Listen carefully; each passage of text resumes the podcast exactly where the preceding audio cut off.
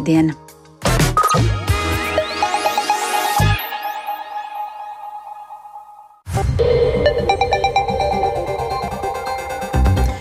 Divpadsmit un piecas minūtes tas ir raidījuma pusdienu laiks, un turpmākajās minūtēs plašāk skaidrosim šīs dienas, 23.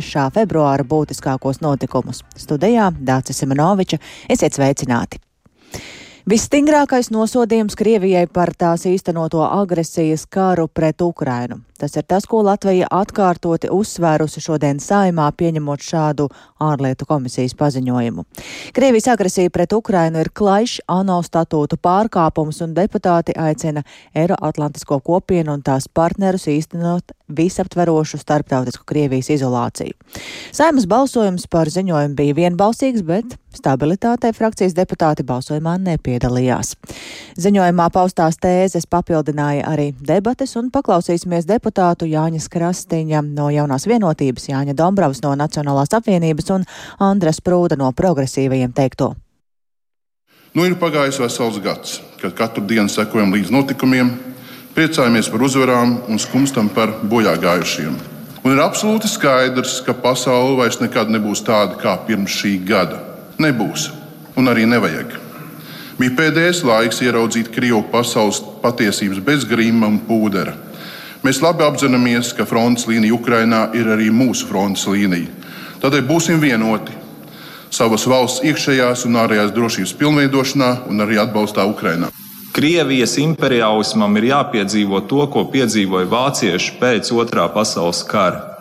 Šai valstī ir jābūt sagrautai pēc šī kara, Šai tautai ir jāsaprot, ka tas nav pieņemami slepkavot, spīdzināt dzīvus cilvēkus, nemaz nerunājot par dzīvniekiem. Ir jāizveido mehānismi, lai Eiropas Savienība izmantotu iesaldētos aktīvus, jo Krievijai un oligarkiem ir jāmaksā par to, ka tas, kas tiek nodarīts Ukrajinā, par visiem šiem zaudējumiem, par cilvēku traģēdijām, par kurām nevar samaksāt, bet vismaz var samaksāt par Ukraiņas eh, ekonomikas un dzīves atjaunošanu. Un, protams, ka mums ir jāiestājas par to, ka Ukraiņa cīnās par mūsu vērtībām, līdz ar to Eiroatlantiskā integrācija ir pilnīgi dabisks nākošais solis, kas Ukraiņai būtu jāspēr ar mūsu palīdzību.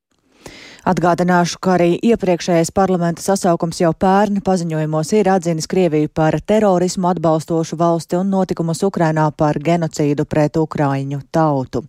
Tikmēr paši Ukraiņi ir noraizējušies, ka rīt 24. februārī, kad apritēs gads kopš Krievijas pilna mēroga iebrukuma Ukrainā, Krievija varētu īstenot nežēlīgus uzbrukumus, un plašāk par to ir gatavs stāstīt Rihards Plūme. Sveiks, Riharda, cik pamatotas ir šādas bāžas? Jā, labdien! Nu, tiesa ir izskanējušas eh, daudz versijas par to, ko un eh, vai tad Krievija varētu īstenot 24. februārī, taču mm, tiešas pazīmes par labu vienam vai citam scenārijam eh, nav līdz šim parādījušās. Tiesa Ukrainas galvenās izlūkošanas pārvaldes vadītājam Kirilo Budanovam žurnālisti uzdevuši jautājumu, vai Krievijas prezidents 24. februārī gatavo kaut ko negaidītu. Un kā viņš ir eh, atbildējis, eh, citēju, nekas neparasts nebūs, parastie mēģinājumi eh, plāno nelielu raķešu triecienu. Runājot par potenciāliem Krievijas raķešu uzbrukumiem, Budanovs piebilda, ka runa ir par diviem datumiem - 23. proti šodienu un 24. februāri, taču viņš pauda pārliecību, ka Ukraiņi šādu uzbrukumu izturētu, jo tādi jau ir piedzīvoti iepriekš vairāk nekā 20 reižu. Un nekas jauns tas nebūs, tā teica Budanovs. Krievija varētu īstenot triecienus ar droniem un arī raķetēm, taču tās nebūtu kādas jaunas metodas, tā viņš ir izteicies. Tikmēr armijas pavēlniecības ziemeļi vēsta, ka Krievijas iebrucēji gatavo iespējamas provokācijas netālu no Černihivas reģiona robežas. Tas visticamāk tieko darīts, lai apsūdzētu Ukrainas aizstāvis par teritoriālās integritātes pārkāpšanu, uz to norādot izlūkdienestu dati, kas liecina par militārā aprīkojuma kolonu pārvietošanu pierobežā un militārai tehnikai nesot atpazīšanas zīmju. Savukārt karavīri ģērbti, um, esot manīti ģērbti formās, kas ir līdzīgas Ukrāņu formām. Tuvojoties gadam kopš kara apgriezienus nebūtu nemazina Ukrainas diplomāti, to darbs, arī valdības un prezidenta kancelējas darbs. Ukrainas prezidentam Volodimiram Zelenskim vakar ir bijušas arī vairākas sarunas ar dažādu valstu vadītājiem, un viena no tām arī ar Lielbritānijas premjeru Rišiju Sunak. Paklausīsimies, ko Zelenskis teica par šo sarunu. Вже ввечері говорив з прем'єр-міністром Великої Британії. Šovakar es runāju ar apvienotās karalistes premjerministru. Mēs ļoti spēcīgi strādājam ar Lielbritāniju, lai stiprinātu savus karavīrus, tuvinātu kopējo uzvaru, īstenotu mūsu aizsardzības nolīgumus, kas tika sasniegti manas vizītes laikā Londonā. Un tas būs lieliski, ja visi mūsu partneri, kā Lielbritānija, saprastu, kā aizsardzības aprīkojuma piegāžu ātrums ietekmē konkrētus panākumus kaujas laukā. на полі бою. Nu, ir jāpiebilst, ka Lielbritānija ir sākusi kāpināt savu ražošanu, lai aizstātu ieročus, kas ir nosūtīti Ukrainai, un uh, palielināt arī artilērijas šāviņu izlaidi, lai palīdzētu Ukrainai atvairīt Krievijas karaspēku. Un jau vairāk kārt ir izskanējis, ka rietumiem tagad ir nopietni jākāpina militārās rūpniecības jaudas, lai spētu apbruņot ne tikai Ukrainu, bet uh, nodrošināt arī paši savu aizsardzību. Tāds ir. Paldies Rihardam Plūmēm tik tālu par aktuālo situāciju Ukrainā. Шановні громадяни України, сьогодні вранці президент Путін оголосив проведення спеціальної військової операції на Донбасі.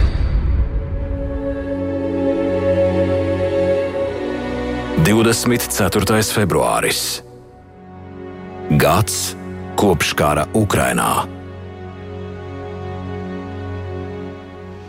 Un tā tad jau rīta aprita gads kopš Krievijas sāktā pilna apmēra iebrukuma Ukrainā, un visu šo nedēļu tam pievēršam īpašu uzmanību arī savos raidījumos. Šodien atceroties arī to, ka Latvijas iedzīvotāji Ukrainai bija gatavi palīdzēt jau dažas stundas pēc kara sākuma, un kā šorīt kolēģiem Martais Kujai un Laurim Zvejniekam sacīja Ziedot LV vadītāja Rūta Dimanta, tad pirmajā nedēļā vien Latvijas sabiedrība saziedoja miljonu eiro, un līdz šim tie ir jau 19 miljoni eiro. Paklausīsimies Dimantas teiktajā. Tas parāda to, ka Latvijas iedzīvotāji un uzņēmumi ir gatavi ne tikai morāli atbalstīt, kas ir ļoti svarīgi, nostāties pareizajā pusē un izteikt savu viedokli, bet arī atbalstīt tīri praktiski, redzot tās vajadzības, kas ir šeit un tagad. Vajadzības mainās un sabiedrības atbalsts arī līdz ar to sekotam līdzi. Par dod pieci kampaņu Ukrainas kara bēgļu bērnu atbalstam 897 tūkstoši eiro. Kas šobrīd notiek ar šiem līdzekļiem? Kāda ir vajadzība, nepieciešamība tos ieguldīt? Ziedot vēl līdz šim ir saņēmis 2138 bērnu pieteikumus no Ukraiņu bērniem, un jau 724 bērniņi ir saņēmuši palīdzību. Un tas ir vidēji dienā 20 bērni. Protams, palīdzības pieteikumu vēl joprojām katru dienu mēs saņemam jaunus un jaunus, un vieglāk ir varbūt savākt ziedojumus nekā viņus izlietot, jo pirmkārt jāpārbauda dokumenti, vai viņi tiešām ir Ukraiņas bēgļi. Ar katru ir jāparunājās, katrai ģimenei un katram bērnam ir savas vajadzības, un viņi jau nedzīvo Rīgā. Mēs arī darbojamies reģionos, un pagājušajā nedēļā uz Valmieru bija kolēģis aizbraukuši, lai palīdzētu. Tad tas darbs ir arī tāds emocionāli ļoti smags, jo ļoti daudzi tie, kas ir atbraukuši pēdējos mēnešus, kas ir pieredzējuši karu, viņi ir bēguši caur Krieviju, caur filtrācijas nometnēm. Tas, ko tie bērni ir pieredzējuši, to es nenovēlu nevienam. Šobrīd kā ir ar uh, ziedošanas aktivitāti? Ziedojumi nāk katru dienu, jo ļoti daudz gan cilvēku, gan uzņēmumi ir izveidojuši regulāro ziedojumu ikmēneša ar domu, ka viņi ziedos tik ilgi, kamēr Ukraina uzvarēs. Un eh, tas dod tādu pamatu ziedojumu plūsmu, no kuras mēs varam reaģēt uz tām vajadzībām. Tas, ko, protams, es novēroju, ka mēs visi esam noguruši no kara un pieraduši pie kara arī Ukraiņu, un eh, tie ziedojumi apjoms nav tik liels. Tā labā ziņa varbūt ir tā, ka, ja kara sākumā maz bija atbalsts, atbalstītāji plašajā pasaulē Ukrainai salīdzinoši. Tās bija Baltijas valsts, Polija, nu, tuvākie kaimiņi. Tad tagad tomēr ir pasaule sadavusies rokās un tā starptautiskā palīdzība plūst uz Ukrainu. Ukraina nav atkarīga tikai no Latvijas. Tanī brīdī, kad Krievija izdara kādu sūdzību, uztais kādu uzlidojumu civilai infrastruktūrai, tad cilvēki atkal sadodas rokās un atkal ziedo. Un, tas, ko es vēl gribēju teikt, ka mēs dot pieci kontekstā, manuprāt, darām vēl vienu ļoti svarīgu darbu. Mēs palīdzam dokumentēt kara noziegumus. Tātad tie bērni un ģimenes, kas atnāk, viņiem ir iespēja, ja pret viņiem ir bijuši vērsta filtrācija un, un dažādi citi kara noziegumi vai izvarošana, viņi var caur mums pieteikties un uzskaitīt šos kara noziegumus. Tā kā mēs novedam līdz tam, lai to dokumentētu kā liecību. Var teikt, vēl viens papildus darbs jums. Jā, bet manuprāt, tas arī ļoti svarīgs, Jā. nu, lai vēsture neatkārtos. Un, un kas ir ļoti svarīgi, tas pašām Ukrāņu ģimenēm ļoti svarīgi, ka viņi grib šo tiesiskumu, taisnīgumu, ka kāds viņus uzklausa, dokumentē un ka kādreiz arī viņi varēs saņemt tādu tiesisku taisnīgumu. Tā ziedot LV vadītāja Rūta Dimanta, bet vai ir gaidāma varas maiņa Rēzeknē? Tur lems par domas priekšsādātāja Aleksandra Bartaševiča atbrīvošanu no amata, to pamatojot ar viņa prokremlisko komunikāciju un sabiedrības šķelšanu. Domas kārtējā sēde ir paredzēta šodien trijos pēcpusdienā, un šis jautājums darba kārtībā ir iekļauts kā pēdējais. Mēru var atbrīvot, ja par to nobalso vairāk nekā puse domas deputātu, un šobrīd opozīcijai ir divu, eh, divu balsu šim lēmumam pietrūkst, taču vairāk par situāciju Rēzeknes domē vaicāsim Latgales studijas kolēģei Laurai Ieviņai. Labdien, Laura, cik reāli ir varas maiņa Rēzeknē? Jā, labdien, Dace. Jāsāk ar to, ka opozīcija īstenībā jau sen nosoda pilsētas mēra publisko komunikāciju Un tieši viņa attieksmi gan par Krievu valodas jautājumu, gan par Ukrainas kara jautājumu, gan kavēšanos ar pieminekļa nojaukšanu. Un uh, tas, tas viss ir radījis tādu priekšstatu par Rezeknes pilsētu kā nevis par eiropeisku priekšstatu, bet drīzāk kā par prokremliski nospiņotu pilsētu. Un, nu, tieši tāpēc uh, Uh, februāra sākumā, tad, kad no partijas saskaņa rindām izslēdza uh, Aleksandru Bartaševiču, uh, domas opozīcija cerēja, ka pārējie deputāti, kas ievēlēti no saskaņas, varētu viņus atbalstīt, un viņi iesniedza pieprasījumu par to, ka domē varētu notikt balsojums par Aleksandra Bartaševiča atstādināšanu no amata. Šobrīd gan jau ir zināms, ka uh, septiņi no astoņiem deputātiem, kas bija ievēlēti no saskaņas, viņi vairs nav šajā partijā. Eh, tātad Bartaševiču izslēdza, pārējie ir izstājušies paši. Un, eh, nu, nav zināms gan par vienu Vladimiru Bogdanovu, kurš pārstāv sociālistisko partiju, bet bija startējis no partijas saskaņa. Un opozīcija esot uzrunājusi visus pozīcijas deputātus, bet viņiem nav radies tāds Eh, priekšstats un tā sajūta, ka kāds no viņiem varētu atbalstīt viņus šodien un balsot par mēra gāšanu. Un, eh, nu jā, to viņi skaidro arī ar to, ka uh, lielākā daļa no deputātiem, uh, kas līdz šim pārstāvēja partiju saskaņu, viņi arī strādā pašvaldībā un uh, saņem arī latgalēji salīdzinoši labu algu.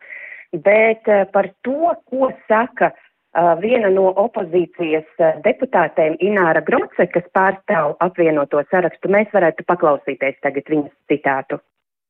Es domāju, ka ticamāk, ka e, šis balsojuma rezultāts ir zināms, bet tieši tas, ko mēs vēlamies panākt šo citu informācijas telpu, ka šeit ir arī cits viedoklis un cits redzējums par to, kā būtu jābūt, ka mēs nosodam arī šo komunikāciju, kāda šobrīd ir domas vadītājiem. Tieši šajā ģeopolitiskajā situācijā šāda komunikācija rada valsts drošības apdraudējumus. Man liekas, ka tieši šīs prokremliskās nostājas ir ir draudz tādai vienotai sabiedrības attīstībai. Mēs neesam dzirdējuši pozīcijas deputātu viedokli, jo parasti tie ir klusie sekotāji savam politiskajam līderim, kuri savu viedokli nekad nepauž, paliekot ainā.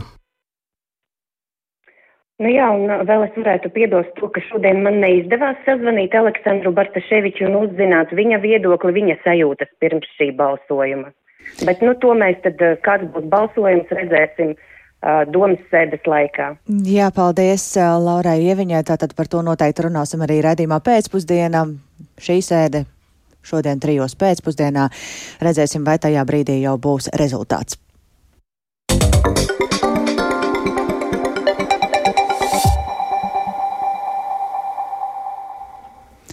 Eiropas komisija risina sarunas ar zāļu ražotājiem par izmaiņām pret covid vakcīnu piegādes līgumos.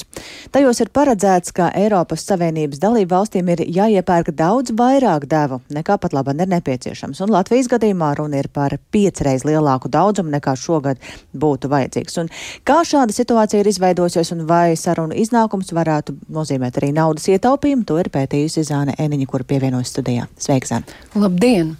Lai labāk izprastu, kā šī situācija ir izveidojusies, ir jāatkāpjas nesenā pagātnē kad Covid pandēmija tikai vērsās plašumā un slimībai bija ļoti daudz upuru, bet vakcīnas vēl nebija. 2020. gada jūnijā Eiropas komisijai tika piešķirtas pilnvaras visas Eiropas uh, Savienības vārdā veikt pārunas par tā dēvētajiem avansa pirkuma līgumiem ar farmācijas uzņēmumiem, kas izstrādāja un ražoja pretcovid vakcīnas. Un vēlāk uh, ar vairākiem uzņēmumiem Eh, arī mm, cits pēc cita tika noslēgti desmitiem miljardus eiro vērti līgumi, kas farmācijas firmām sniedz iespēju ļoti īsā laikā izstrādāt vakcīnas un arī tās saražot diezgan lielā daudzumā. Aizbildinoties ar eh, komercnoslēpumu, līguma saturs sabiedrībai līdz šim nav pilnībā ticis atklāts. Taču pati avansa pirkuma līguma praksa ir ļoti daudz analizēta un pētīta no visdažādākajiem aspektiem, gan no demokrātijas ierobežošanas skatu punkta, gan, protams, arī no ekonomiskā viedokļa. Jo līgumi paredz ilgtermiņa saistības. Un proti, vakcīnas tika nodrošināts gan tad, kad tās bija ļoti, ļoti vajadzīgas, lai sabiedrībā pēc iespējas ātrāk izveidotos kolektīvā imunitāte pret covid un uh, situācija, kas dažkārt bija neregulējama, uh, lai šī situācija kaut cik stabilizētos. Taču vakcīnas piegādā joprojām. Un uh, Veselības ministrijas farmācijas departamenta direktore Inese Kaupere atgādināja, ka tūlīt pēc vakcīnu izveidas to trūka. Turpretī tagad līgums paredz milzīgu lieku vakcīnu daudzumu iegādi. Turpina Inese Kaupere. Šobrīd šī vakcinācijas aptvere nav tāda, kā mēs plānojām, kad mums bija šīs delta variants un kad bija ļoti augsta saslimstība. Tā ir mainījusies, ko, protams, tajā laikā nevarēja paredzēt. Un šobrīd ir intensīvas sarunas ar ražotāju, lai mēs šos līguma nosacījumus pārskatītu un iespējamo devu saņemšanu pārdalītu, sadalot to uz nākamajiem gadiem un, ja iespējams, no kaut kā atteiktos. Jā, farmācijas departamenta vadītāja arī precizēja, ka pašlaik sarunas norit ar firmu Pfizer, tātad tikai par vienu daļu no līgumiem, un saskaņā ar šo līgumu tai šogad Latvijai jāpiegādā 40 miljonus eiro vērtas 1 miljons 800 tūkstoši vakcīnas devu. Un pēc veselības ministrijas aprēķiniem šogad vajadzētu tikai 330 tūkstošu devu, tātad gandrīz 5,5 reizes mazāk. Jā, nu to, kādēļ eh, ir izveidojusies šāda situācija un eh, kāpēc šķietami šādus neizdevīgus līgumus vajadzēja slēgt, to skaidrosim vairāk arī raidījumā pēcpusdiena. Bet mēs turpinām ar kādu citu tematu. Dzelzceļa projekta Rail Baltica būvniecība no prognozētā termiņa atpaliek par četriem gadiem, un, lai tempu pātrinātu, Latvijā plāno izveidot starp ministriju komiteju, kas palīdzēšot risināt dažādas grūtības. Kāda jēga no šīs komitejas un ko par to saka eksperti? Par to interesējās kolēģis Viktors Demīdovs, kurš arī šobrīd studijā. Sveiks, Viktor! Sveicināti! Jā, šī gadsimta lielāko infrastruktūras projektu Rail Baltica plānots pabeigt 2030. gadā, un tas ir par četriem gadiem vēlāk nekā sākotnēji prognozēts. Iemesls tam ir Covid-19 pandēmija un Ukrainas karš, kura dēļ bija problēmas ar būvmateriāliem.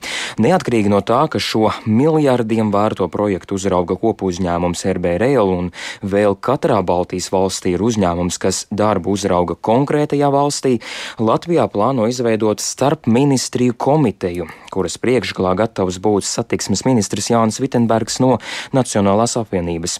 Zināms, ka komiteja sastāvēs no projekta padomes un speciālās darba grupas. Cik liela šī komiteja būs, Vitenbergs nevarēja pateikt, norādot, ka tajā būs pārstāvētas ne tikai ministrijas un valsts sekretāri, bet arī speciālisti, kas būšot palīgi gan pieminētajiem kopu uzņēmumam RB Rail, gan arī Eiropas dzelzceļa līnijām, kas projektu uzrauga Latvijā. Lūdzu, paklausīsimies Vitsenberga teikto projektā kavējas e, zemju atsevināšana, un e, šis projekts ir e, gara, lineāra inženieru būve daudz šādu objektu, un teiksim, nu, tas esošais regulējums būtu nepieciešams pilnveidot, un nu, tas, tas varētu būt kopīgs darbs starp satiksmes ministriju un tieslietu ministriju. Ja? Tāpat arī nav bijusi stabila finanšu resursu plūsma, ja? lai, lai varētu nodrošināt tādas nepārtrauktas darbus arī un, un to nodrošināt nākotnē. Tādēļ, nu, tur, tur, protams, kopīgs darbs satiksmes ministrijai finanšu ministriju. Ja? Tāda ierēdnieciskā parastā kārtība var aizņemt eh, nedēļām pat mēnešiem ilgi, lai saskaņot dažādas jautājumus. Tā kā mēs nedrīkstam kavēties, ir jāpātrina projektu norises, un eh, es tiešām ceru, ka šī grupa palīdzēs projektu padarīt raitāku jau, un pat liekas dīvaini, ka šāda grupa nav bijusi izveidota iepriekš. Jā, piebildīšu, ka komitejas dalībniekiem alga par darbu nemaksāšot, un arī komitejas izveidēji nauda nebūšot vajadzīga. Un, ja viss noritēs raiti, starp ministriju komiteja varētu sākt strādāt jau pāris nedēļu laikā. Nu, un ja šiem komitejas locekļiem par darbu algu nemaksās, kāda būs tā viņu motivācija un vispār ko saka eksperti, vai šāda komisija ir vajadzīga? Jā, eksperti ir piesardzīgi. Piemēram, Baltijas korporatīvās pārvaldības institūta viceprezidents Andris Grafs norāda, ka būs jāskatās, vai komiteja tiešām koncentrēsies uz valsts pārvaldes lēmumiem, nevis izskatīs jautājumus, kas ir Rail Baltica uzņēmumu kompetencē. Arī satiksmes ministrs un bijušais satiksmes ministrs, mm, satiksmes eksperts un bijušais satiksmes ministrs Tālis uh, Linkaits norāda, ja komiteja tiešām risinās problēmas, um, piemēram, ar lēno zemju atsevināšanu, tad tas ir pozitīvs signāls. Un, ja runājam par mm, Rail Baltica kopu uzņēmumu RB Rail, tad arī viņi um, šo komitejas izveidi vērtē atzinīgi un piebilst, ka komiteja ne tikai palīdzēs risināt problēmas, bet arī palīdzēs attīstīt reģionus. Un, ja paraugāmies Baltijas mērogā, tad izskatās, ka tāda komiteja Baltijas valstīs būs pirmā, bet, kā atzīmē uzņēmuma RB Rail, katrā no valstīm ir uzraudzības grupas, kas seko līdzi projektam.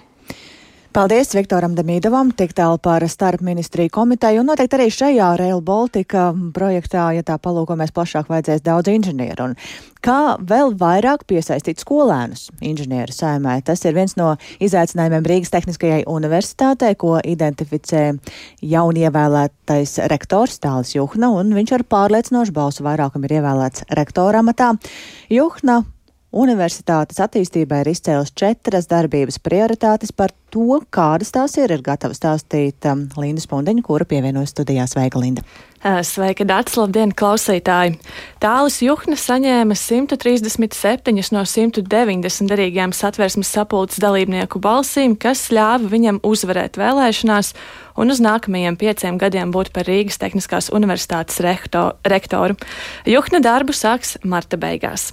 Jaunie vēlētais rektors norādīja, ka viņa vīzija ir virzītājs spēks Latvijas transformācijai uz zināšanu ekonomiku, ko iespējams panākt sagatavojot uzņēmīgus inženierus. Taču līdztekus viens no izaicinājumiem ir arī jautājums, ko jau minēju, kā vairāk piesaistīt skolēnus inženieru saimē. Tādēļ universitātei jāsadarbojas ar skolām, un Juhna saka, ka sadarbība jau ir sākta un tā veiksmīgi arī jāturpina. Jaunais rektors izcēla četras, viņuprāt, nepieciešamās RTU attīstības pri prioritātes, un pirmā - nodrošināt nākotnes prasmēm atbilstošu studiju procesu. Tas nozīmē, ka jāpadara studiju process vairāk individuāli individualizēts. Nākotnē studējošiem būtu plašākas iespējas un izvēles specializēties jomās, kuras pašiem šķistu piemērotākas. Un otrā prioritāte ir saistīta ar akadēmiskā personāla politiku, un varam paklausīties tāļa Juhnas sacītajā. Mums vajadzētu veidot tādu personāla politiku, kura ir vairāk atvērta jauniem talantiem, starptautiskiem mācību spēkiem, un arī tāda politika, kas ir drošāka tiem cilvēkiem, kas ir Rīgas Tehniskā universitātē strādājuši un turpina strādāt pētniecisku un akadēmisko darbu. Tādā veidā arī nodrošinot to, ka pasniedzēji vairāk varēs laika veltīt eh, darbam studentiem un arī piesaistīt eh, finansējumu no ārējiem resursiem. Trešā prioritāte ir paaugstināt RTU prestižu, un to var uh, saistīt ar citējumību, publicitāti augstākā mēroga zinātniskajos žurnālos. Un, protams, sadarbība ar industriju, piemēram, studentiem, dodot iespēju veidot savus uzņēmumus un sadarboties ar uzņēmējiem. Savukārt, ceturtā prioritāte Juhnas redzējumā - pilnveidot universitātes pārvaldības sistēmu, padarot to efektīvāku, tuvinot to pasaules vadošās universitātes pārbaudītiem principiem. Un uh, Juhna uzsver, ka īstenojot šī šīs četras prioritātes RTU iekļūs starptautisko reitingu 500 labāko universitāšu sarakstā un kļūs par ilgspējīgu Baltijas vadošo tehnoloģiju universitāti. Un šie ir jaunā rektora sasniedzamie uzdevumi, kurus izvirsīs arī RTU padome. Paldies Lindai Spundaņai. Tātad RTU jaunais rektors šodien ir iepazīstinājis ar savu redzējumu par universitātes attīstību. Un ar to arī izskan redzījums pusdiena. Tā producente Ilze Agīnta ierakstus montēja Kaspars Groskops par labskaņu rūpējās Rīta Karnača un ar jums sarunājās Dācis Semenoviča. Vēl īsi par svarīgāko saima paziņojumā nosoda Krieviju par tās īstenoto agresijas kāru pret Ukrainu. Reizeknas domē lems par pilsētas mēra Bartaševiča atbrīvošanu no amata, un Eiropas komisija sarunās ar zāļu ražotājiem cenšas panākt izmaiņas pret covid vakcīnu piegādes līgumos. Yeah.